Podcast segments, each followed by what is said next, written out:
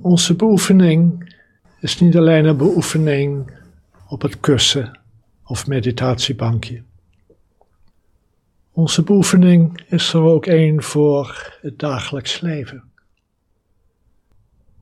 Het kunnen verzachten, het kunnen ontspannen in de impuls om te denken, in de impuls om die gedachten te verwoorden.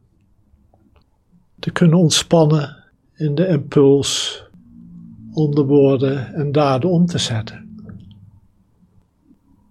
En natuurlijk, wanneer je heilzame gedachten hebt, bruikbare gedachten, die nodig zijn bij het doen van de activiteiten in het dagelijks leven, bij je werk. Wanneer je vriendelijke gedachten hebt, creatieve gedachten, zijn ze bijzonder waardevol en zijn ze het waard om verwoord te worden. En in de actie tot uitvoering gebracht te worden. Maar wanneer het gedachten zijn van frustratie, misschien van boosheid, van ongeduld, dan is onze beoefening om te kunnen ontspannen en de impuls om die gedachten te denken, te verwoorden en een actie om te zetten heel behulpzaam. Het houdt je namelijk vrij in al die momenten. Vrij om te kiezen wat behulpzaam is. In plaats van aan de impulsen, de negatieve impulsen toe te geven. Dus het is van waarde om in de meditatie te kijken of je de impuls om te denken kunt laten verzachten kunt laten ontspannen. Met andere woorden, om langzamerhand meester te worden over je denken. Want stel, je kan het negatief denken stoppen. Zou er dan nog echt ongeduld kunnen zijn? Zou er nog echt een boosheid in je kunnen ontwikkelen. Als je jaloers bent of hebberig, kijk eens hoe groot het aandeel is van je gedachten daarin. We denken vaak overmand te worden door de emoties. Maar we zien maar al te graag over het hoofd hoeveel het denken daarin een aandeel heeft. Als het gewoon helemaal stil zou zijn in je hoofd, kan je dan nog ongeduldig zijn.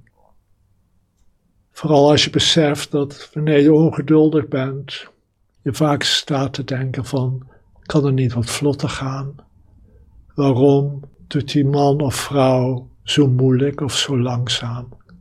Ik heb te weinig tijd, ik heb haast, ik heb wat beters te doen, noem maar op. Stel je eens voor, het zou helemaal stil zijn in je. Hoeveel vormen van lijden in ons zouden aanmerkelijk lichter worden en misschien zelfs wel oplossen? een vraag om ze nu, en dan eens te contempleren. Maar voor nu en deze meditatie, kijk eens of je de impuls om te denken helder kunt krijgen. Als de gedachte zich eenmaal gevormd heeft, geen probleem. Laat maar gaan. Een volgende gedachte zal zich al gauw aandienen, in ieder geval een nieuwe impuls om te denken.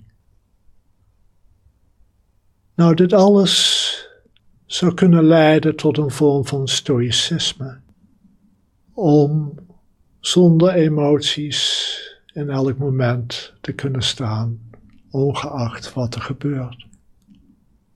Maar gelukkig onze beoefening is geen stoïcisme. Geen beoefening ervan.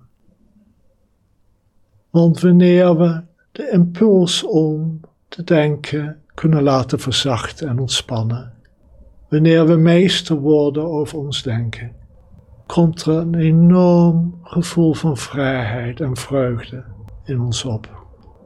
De vrijheid van onze ware natuur, die niet meer ingeperkt wordt door een dwangmatig denken, vooral door een negatief denken. En dat geeft ook meteen een vreugde. We kunnen het denken gebruiken voor wat goed is voor onszelf en voor anderen en de wereld.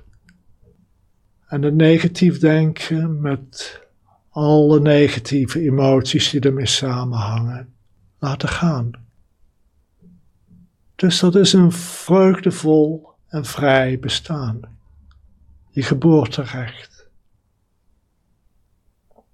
Dus laten we oefenen in dit eenvoudigweg zitten en te kijken of we niet alleen lichaam, maar ook de geest zodanig kunnen laten ontspannen dat hij stil wordt. Rust in zichzelf, gewaar van dit moment zoals het is.